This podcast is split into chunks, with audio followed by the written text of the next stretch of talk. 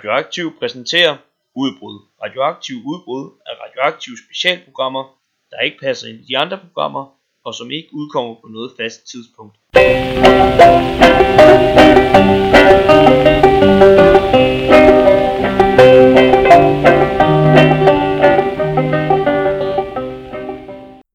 Da Bernie Sanders i 2016 stillede op mod Hillary Clintons enorme annoncebudgetter og mange ansatte, lignede det på forhånd en tabt kamp.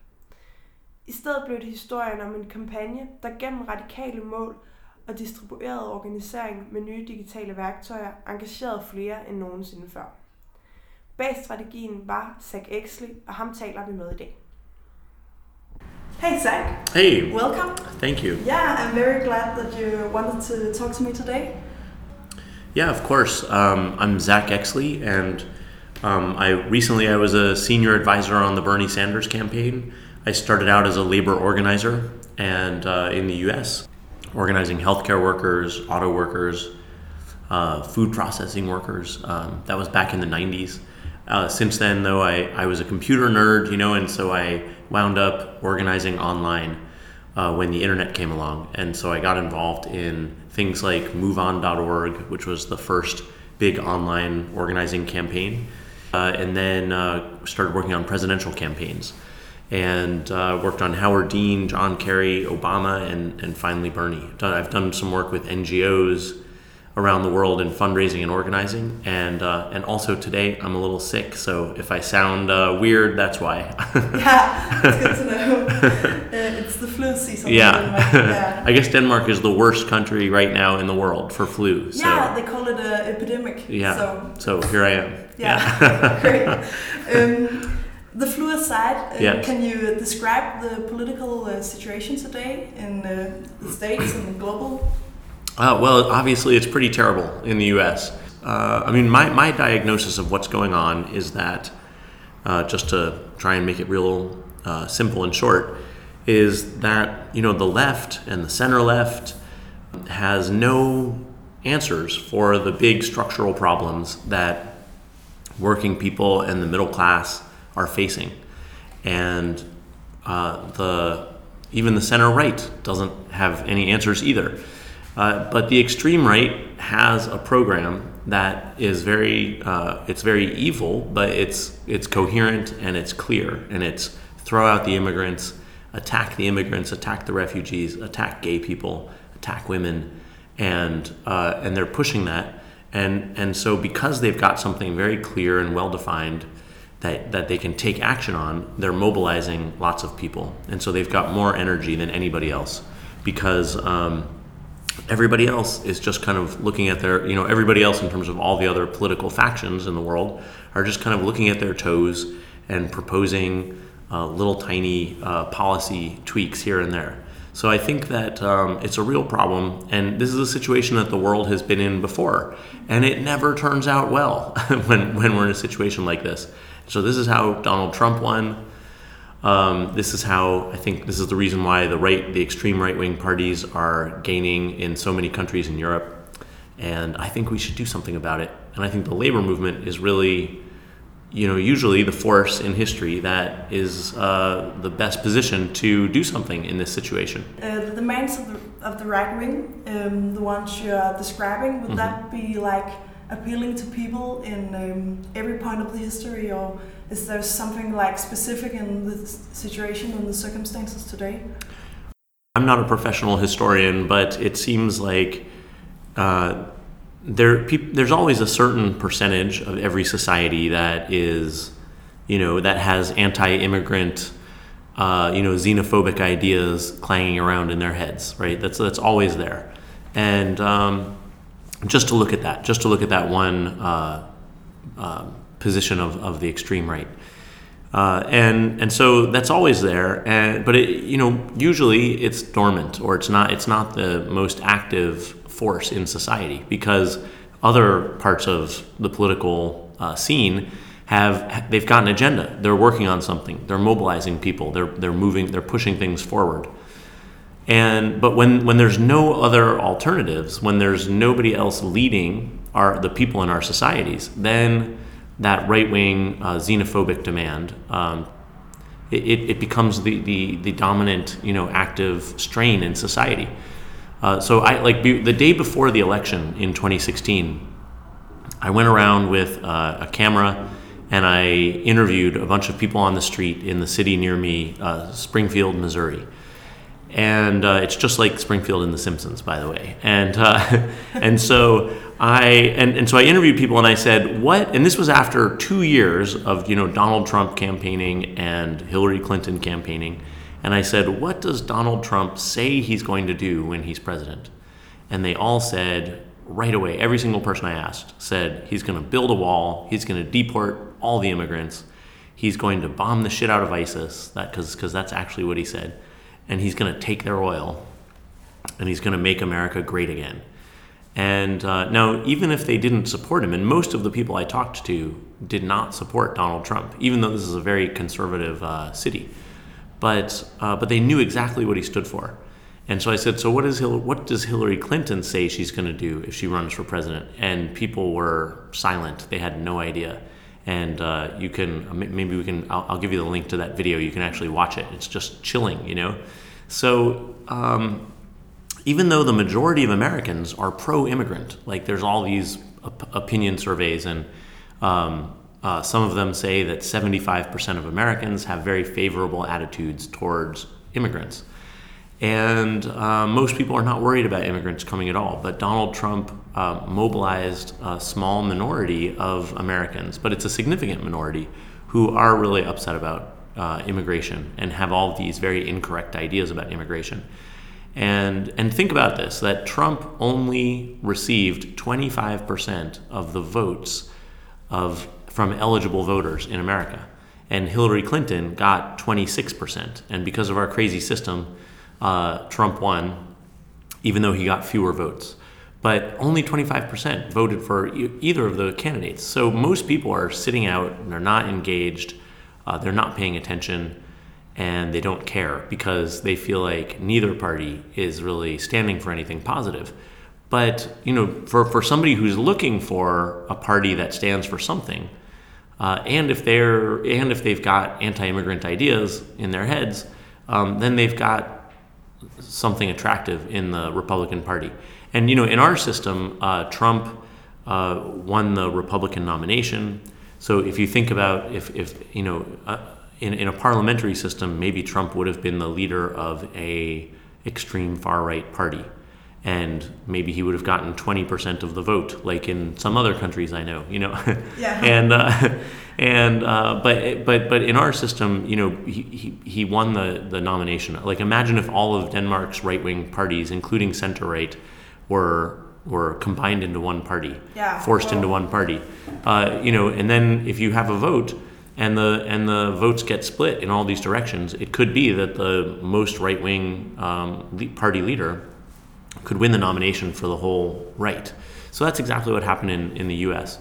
But I, but I think, though, that what's going to happen in Europe is as long as, you know, the, the social democratic parties and the other center left parties and the left parties, as long as they don't come up with um, a, a, a vision, and a practical vision for how to really move the working class and the middle class forward, um, even though things aren't so bad, you know, like they are in America for most working and middle class people in, in Denmark, right? And, and other rich European countries. But still, people don't like the fact that, that they're stagnating, you know, and that their kids are going to be maybe slightly uh, less well off than, than they are. And so it's, um, and so we really so so if if these if the left parties don't figure out how to come up with a positive program uh, for working and middle class people, um, I think the share of the vote that goes to the extreme right is just going to get bigger and bigger, just like it did earlier in the 20th century. Yeah. So actually, we've got ourselves to blame. Well, you, you said uh, we only have ourselves to blame, Yeah. and the um, yeah, I, I mean, I think that's true. I mean, of course, we can blame others because there's a lot of variables, there's a lot of factors.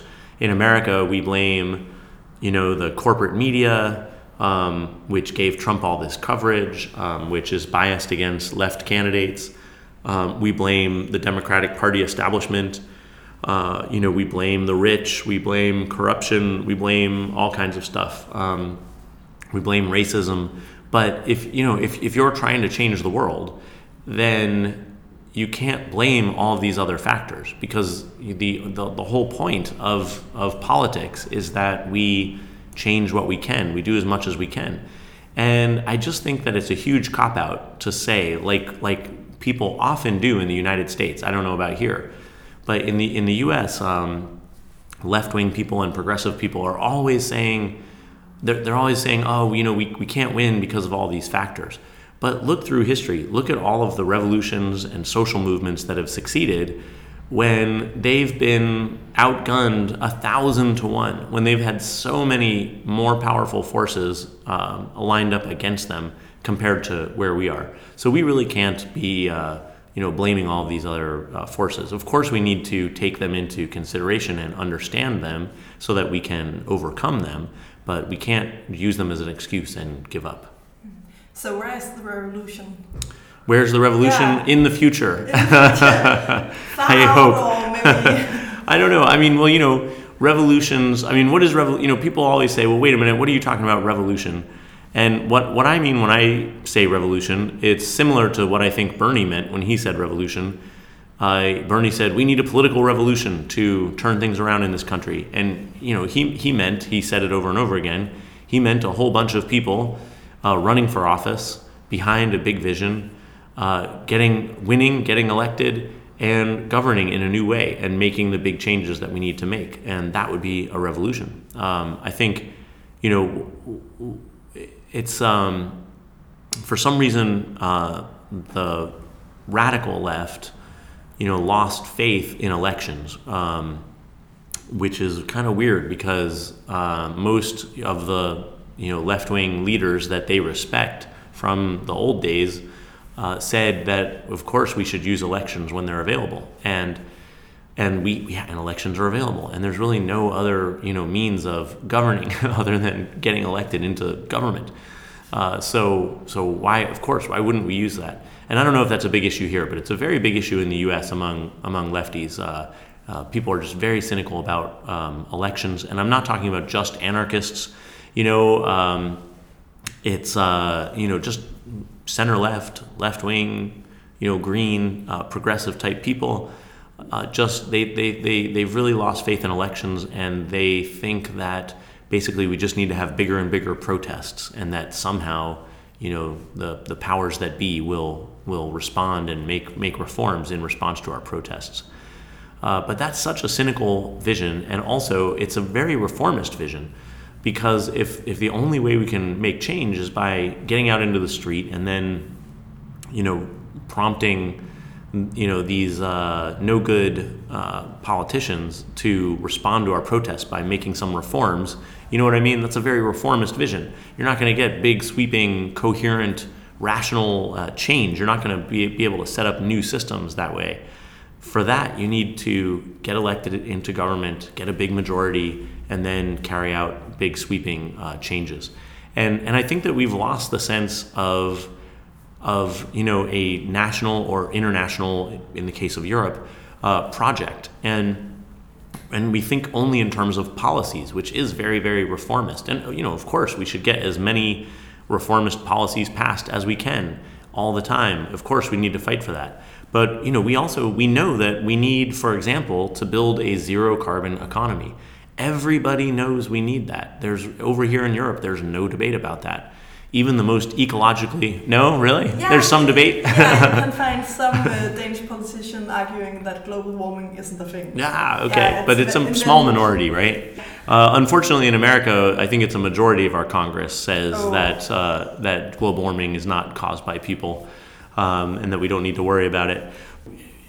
Uh, in general, you know, over here, left progressive people, uh, and in in America, left progressive people know that we need a zero carbon economy. And yet, we're not talking about building one. We're talking about introducing little policies that are going to encourage us to get to one faster. But in, in, in all of these schemes, it still takes 100 or 200 years to get there.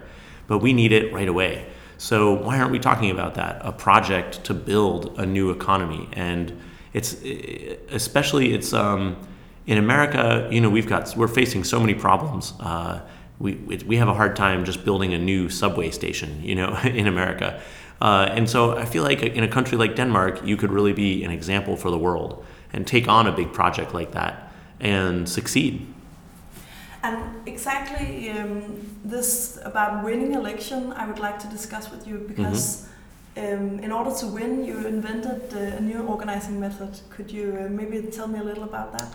Uh, yeah, I mean, I wish um, I wish it was that smart. You know, yes. In order to win, we sat down and invented a new model to win to win elections. Yeah, yeah. um, but that would be then, then. You shouldn't be talking to me because we didn't win. So, uh, but um, but we we uh, you know I, I, joined the Bernie campaign because I saw that it was going to be uh, another one of these mass movements that get started around a presidential candidate.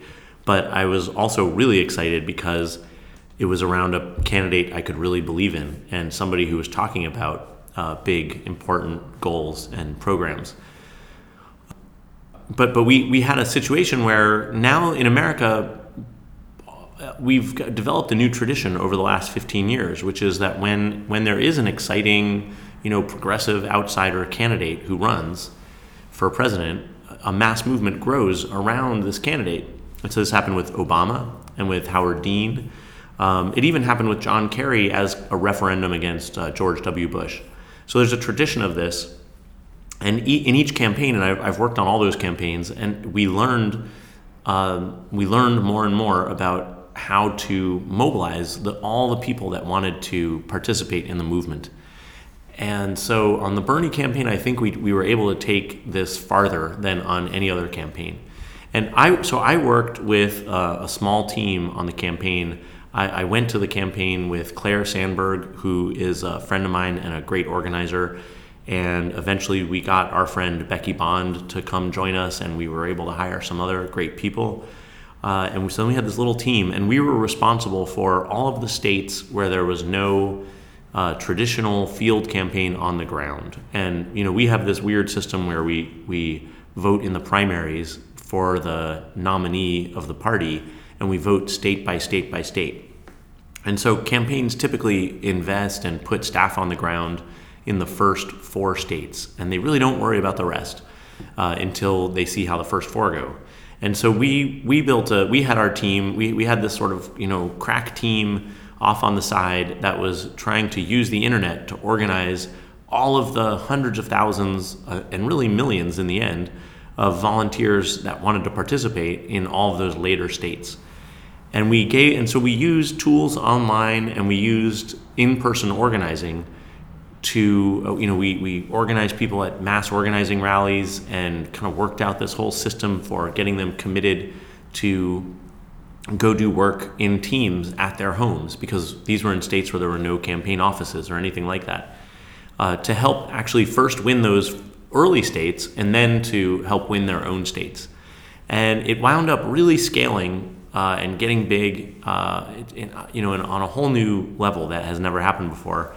We had 100,000 organizing meetings, or 100,000 of these volunteer-led um, campaign working, you know, meetings where people mostly did phone banking, calling voters in those early states.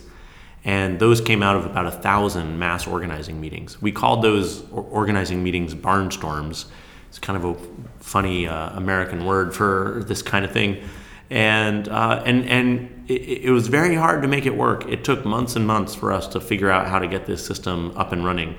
But once it was running, it was a pretty amazing thing to watch. And uh, I really wish we had made it to the general election so that we could have uh, kept growing it. yeah. Now you have uh, discussed organizing with quite some uh, Danish union organizer mm-hmm. people, and um, you might know that here community organizing and one-on-one are mm-hmm. very big but mm-hmm. uh, why wasn't that sufficient this time well on in those early states like iowa and new hampshire they did do the one-on-one organizing and they built volunteer teams in the way that like i know a lot of people here are uh, learning from marshall ganz about how to build uh, teams in new ways and so they did that on the ground now we could not do that in the later states because we only had a few staff people for 46 states, all the big states in the country, the 46 biggest states in the country, basically. So, uh, of course, we couldn't go around and do one on ones with everybody. Um, you know, we just wouldn't have gotten anywhere. But what we did is we set up a system that brought people together into teams in a very structured way. And, and then they did the one on ones with each other themselves in, in, in that structure. So even though we weren't talking to everybody and we weren't getting them to make commitments to us personally, uh, they were talking to each other and making commitments to each other uh, in an in-person, face-to-face kind of way. And it took a, a, lot of work to structure it. It wasn't some you know just hippie thing where we just said, "Hey, everybody, go get together with your neighbors and figure out what to do." In fact, that's how we started because we just didn't know where else to start, and it did not work. So we had to get more and more and more structured until we finally made it work. When I first read your book, mm-hmm. um, as a union organizer, I thought it was kind of interesting to read something um, discussing um, these big, beautiful, um, revolutionary goals because uh, I think um, I'm, I maybe I'm not talking for everyone, but I've been kind of uh, bored finding my personal story and. Uh, mm-hmm. Uh, doing one-on-ones and um, fighting for small changes uh, mm-hmm. in workplaces. Oh yeah. But could you maybe like why is it so important? to do something big, yeah. to go after something big. Well, I think, I mean, I, I learned this when I was a labor organizer uh, that when, when our campaigns were just about, you know, getting a little more dignity and control on the job and maybe winning a very small raise.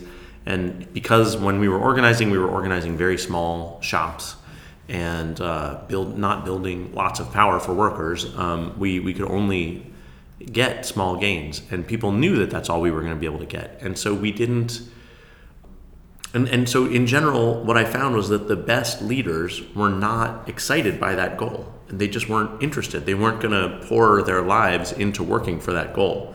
Uh, so um, because and, and why was that? Well because they had a lot of other um, things to work on in their life you know they um, they had they had other places in their lives where they were able to to make a difference, like in their families and their schools, uh, their churches.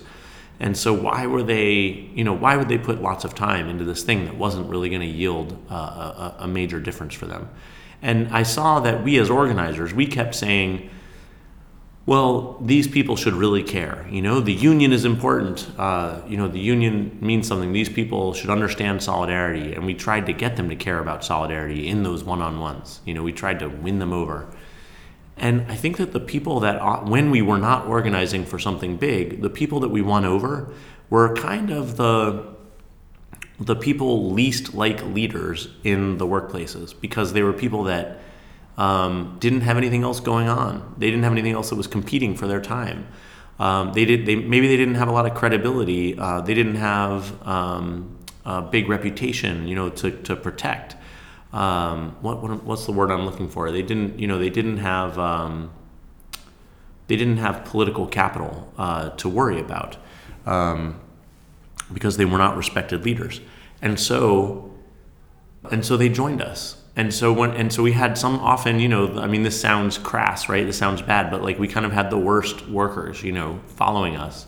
And and i actually eventually went and worked inside factories uh, where we where the union was organizing and because i really wanted to see what was going on. I wanted to see why we were losing all our campaigns. And um, and i saw that the workers just really didn't believe in the union strategy and uh, and and even though they were pro-union in the abstract, you know, on principle, they were pro-union, but they didn't like our strategy. They just didn't think that we were building power.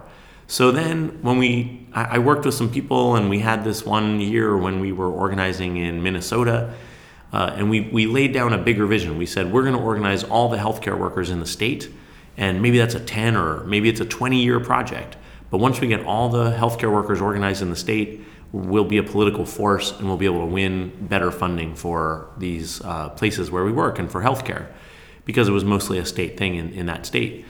And so workers understood that strategy. And so even though we weren't going to be able to win big things in the short run, and they knew that, they were happy to participate in this bigger campaign. And we didn't promise them that we were going to be able to build power. We told them that that was up to them and other workers and whether or not we won enough campaigns and built enough power.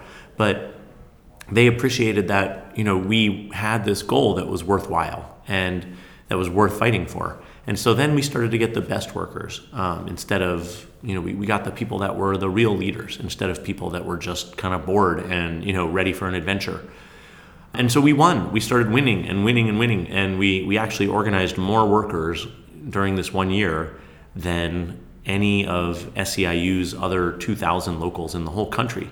So it was a very successful program. And I think it was really all due to just adding that goal. And, and, and we also organized in a way that gave workers more, gave workers a bigger role. But, you know, they led all of our union meetings. Um, we advised them, but they really made the decisions about what to do next in the campaign.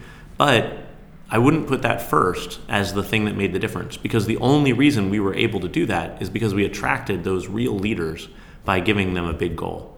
And so uh, I would have liked to see that model spread, but instead we kind of got pushed out because I think the leadership might have figured out that we were that we uh, had organized enough workers to uh, take over the local. You know, so I think this is a familiar story all over the labor, all over Yeah, the global labor movement, and um, so uh, so we, but you know, but then you know, I, I really see a parallel there to Bernie's campaign and Obama's campaign and Howard Dean's campaign in politics, where where candidates uh, went to the American people and said, "I've got a big vision. If you fight with me, and and you know, then I think we can really do something amazing, and we can at least show the country how much we care about making a difference and how much we're suffering and how much we're how angry we are about how things are going." And Hillary Clinton, her answer to Bernie was, and, and this is very typical, and I think you hear this in the labor movement around the world as well. Her answer to Bernie was, uh, Well, Bernie, you're talking about all this stuff that you will never be able to accomplish. You know, free college tuition, Medicare for all, uh, free, you know, free healthcare for all. You'll never be able to accomplish these things. The Republicans will stop you, and that's so um, nuts to, to make that argument because Bernie, how, how in the world would you would you ever win anything, even get halfway there, uh, without at least trying to fight for it? So Bernie wasn't promising things that he couldn't deliver. He was inviting America to fight with him for these big, very important things. And I don't think that the Democrats are ever going in America. I don't think the Democrats are ever going to win for any length of time. You know, I think they're going to keep getting rejected. They're going to keep getting into office and then get spit back out um, because they're they're just going to keep trying to do this. Ti- you know, talk about these tiny little incremental changes. It's fine to make incremental changes, but to mobilize us, you got to give us a vision. Yeah. And uh, what should that vision be? Uh, well, no, I'll, I, but you want me to answer that? Um, You, you can answer it later, I think. Oh, Maybe. yeah. Um, I've been wondering Mhm. because you know we discussed your methods and Yeah. exactly how you did it, and Yeah. um, you had this rinse and repeat Mhm. uh, kind of activities hmm where um, everyone could do it. It, it had to be Yeah. easy and uh, exciting to do, Mhm. but I think where does this kind of activity leaves uh, the people uh, being um, in the Bernie campaign? Um, uh, today, are they like participating in? Um, What are they doing they- now? Yeah, what Yeah. are they doing now? Uh, well, there's there's kind of this crazy thing with these um, movements in America where these big movements rise around a presidential candidate, and then they basically dissolve afterwards, and that's kind of been the pattern for a while. And we really hoped it wouldn't be that. We, we really we really hoped that it would not be that way uh, from the beginning. And kind of ironically, like the movement that really lasted the longest and did the most in some ways was uh, the very first, which was uh, Democracy for America, which came out of the Dean campaign, which was Dean for America, and and then and then Obama uh, ran, and you know he said he was going to keep the movement going, but he kind of um, and he did. He had 150 staff people working after the campaign, working for Organizing for America. It was the same thing with Dean. It switched from from Obama for America to Organizing for America, and you and and so he had hired 150 staff. But then, you know, even after all of his beautiful rhetoric during the campaign, he kind of backed away from that during the during his presidency, and he campaigned for this wacky healthcare reform that is really a Republican plan, and it's very right wing and conservative, and it's uh, very unfair. And um, and he knew that I don't know about him, but people around him in the White House knew that the base, the volunteers, were going to be very upset about it, and that they were going to they wanted Medicare for all. And so I think that that led to them um, basically, you know, just just deactivating the movement uh, around Obama. And so then Bernie said he was going to keep his movement going. He said, We're not going to shut it down the way Obama did. But I think that maybe the folks around Bernie and Bernie himself maybe didn't fully understand what the how, how the movement around his campaign actually worked. And so after the campaign, you know, Obama kept 150 staff people on, and most of us thought that that was very small. But after Bernie's campaign, he kept about 15 people on, and and uh, didn't really fund the effort. And they kind of thought, I think that the people around Bernie really uh, didn't think that it was uh, that that you know that this email list was going to stay active. The email list is the source of funds, right? And I think they thought it was not going to stay active and it wasn't going to keep raising lots of money. Of course, it was. It would have, right? They could have raised tens of millions of dollars a year um, especially if Bernie was calling on people to fight, you know, and and uh, fight in the midterms and fight for um, all the issues that he was talking about in his campaign. So, but Bernie kind of, because of the way they set it up, also Bernie kind of had to keep his distance from it, and it was just very strange. It, it was uh, there was some drama, and it, and and in the end, even though they're really amazing people working there, and and there's they've got a new leader, Nina Turner, who is absolutely incredible. Um, and so they're doing the best they can. But it, but because of the because of that missed beat from right after the campaign, it didn't have as much power and strength as it could have. And um, and so there there have been a whole bunch of other uh, organizations that have sprung up. I've worked on a couple of them, and uh, there's there they have all different flavors, all, all different kind of political leanings and so there are a lot of people participating, but there is an interesting thing where a lot of the people that participate in, in these movements um, uh, deactivate afterwards, and I think the vast majority probably. And, and then when, when each new movement gets going, it's a whole new wave of people coming in. And I, I would be willing to bet that if you could somehow survey um, uh, the, the people participating in, you know, in these new groups like Indivisible and Swing Left, that the majority of them are probably new. I bet they were not active in the presidential campaign. So there's just sort of this constant, I think the internet, you know, the ability for just anybody to show up and sign up and get involved kind of allows uh, this constant, you know, cycling of, of new activists into these movements. And some people see that as a disadvantage. They see it as a bad thing. You know, they see it as, as we're, we're not building lasting power. Um, and there's some truth to that. But I think the flip side is that it's a, you know, it's kind of this evergreen model of social movement organizing, and there's a lot of power in it. So, if we were to use this technique in like the, the labor movement, would it be a bigger problem? Um, people not uh, staying involved. Um, I think. I mean, it's.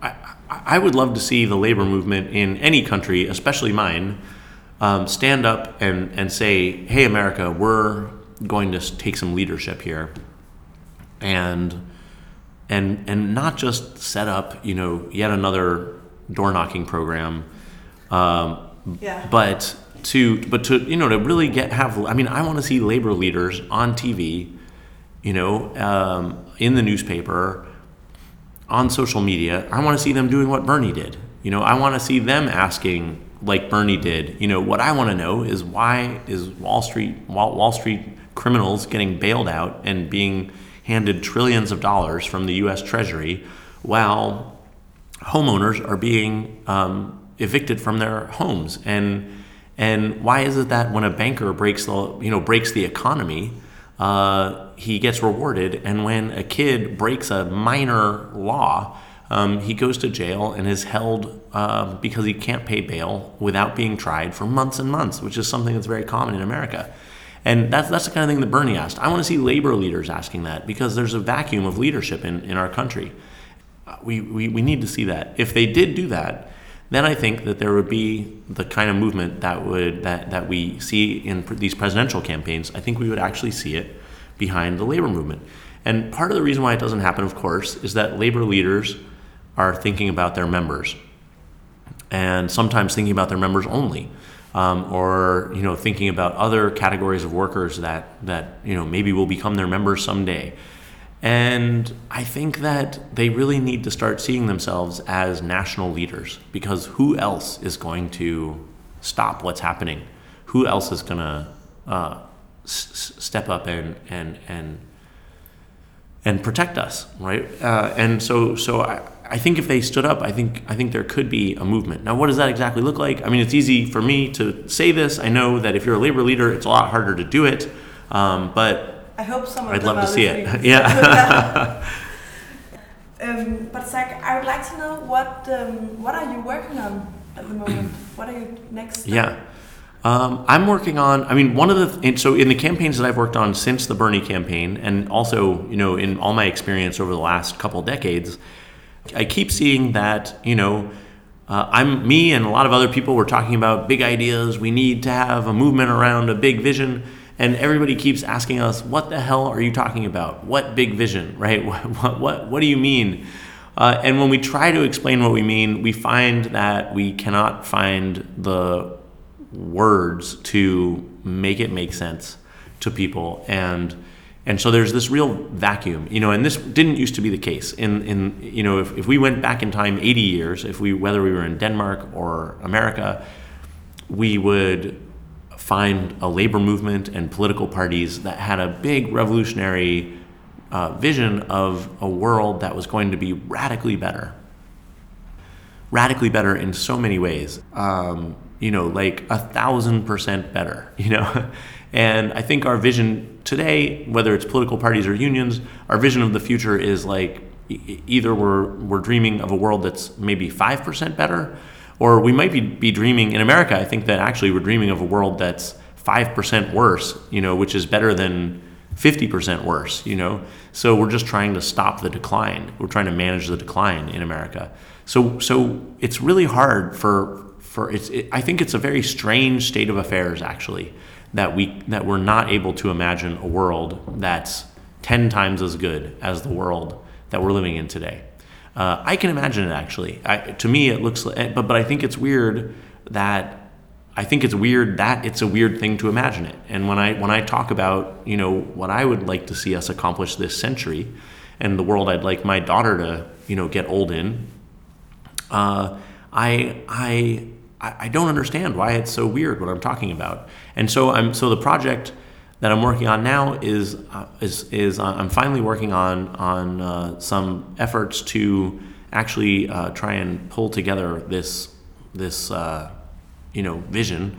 And um, I think that that a bunch of different economists that have been writing over the last uh, 10 15 even 20 years and that have been writing more and writing in a more kind of popular accessible way recently I think they make it possible to talk about um, this to, to talk about a world that's 10 times better in practical terms. And so as they get read by more and more people and as their ideas um, disperse um, it's getting it's, i'm finding that it's getting easier and easier to talk to people uh, especially if i give them one of these books you know? And so some of these people that i'm talking about are like Ha-Joon Chang. So, so wait sorry i keep going on in, in the way i sometimes do that is kind of annoying i know where you ask me a question and i'm giving you all this preface so uh, but so i'm trying to start a kind of um, you might call it a think tank but i think it's really not a think tank. It's uh, it's it's a network of thinkers and, and, and activists. Um, it's maybe a lab where we can test out messaging and um, where we can pull together the work of these different economists and, and other thinkers and put it into the form of like explainer videos, um, short reports, um, concrete practical plans. And so I think we're gonna I think we're calling it the New Consensus Network, and we're forming a nonprofit organization in the U.S., but we really um, I'm, I'm I'm I'm working with uh, some economists and, and, and other leaders around the world actually, uh, and uh, so so hopefully we'll have some really easy to understand and inspiring you know YouTube videos for you soon to explain what the what the 10 times better world is. Yeah. That sounds great. I mean, okay. Yeah, well, if you know anybody who wants to fund it, you know that's yeah. always the problem. Maybe maybe there's some Danish money that because it's it's hard to come by in America. Yeah, I could imagine. But but also but also just I mean I don't want to be talking mysteriously about this ten times better world. But but what I mean is the the main thing that I mean is that you know we we're living in this time when we've got more advanced technology than of course than we've ever had in the history of the world, and it's just so incredible what we're able to do now and, and the, you know how productive our work is now. And I think the left has really forgotten that, that that's not what it's all about, but that's a big part of what it's about, of what the struggle is about. And and and so we've we've through through the work of you know thousands of years of hard work by workers and by leaders and and freedom fighters, we've created this global economy that is uh, that is totally capable of providing for everyone's needs in a totally sustainable way. We're, we have to build it, right? But we have the technology to build it. There was this million, this reminds me of the Million Dollar Man, this show that was on when I was a kid. Yeah. And it was like, we have the technology, we can build it. That was like the beginning of the show. And we have the technology, we can build an incredible world, you know, global economy that's 100% sustainable, zero carbon, where and where and where the people of the world would barely have to do any work, and where we can yeah. just get back to being human beings and basically get back to the Garden of Eden uh, that you know people have been dreaming of getting back to uh, for thousands of years, and we can make it happen. Uh, that's and that's the vision, and I don't see why it's weird. So I want to try and uh, help it to not be weird anymore. Yeah. Uh, people listening today uh, here in Denmark, mm-hmm. what should they do to, um, you know, contribute to this vision? Hmm. Yeah. Email me if you're really interested.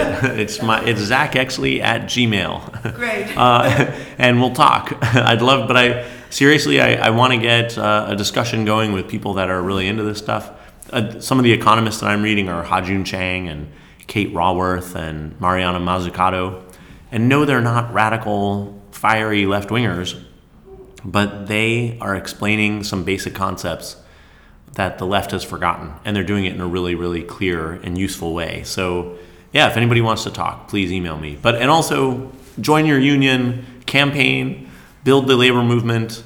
You know, fight in the next elections, throw the right wing out of power, please, and you know, just you know, make it so that nobody votes for this extreme right party in Denmark anymore because that's very scary. Pues Gracias.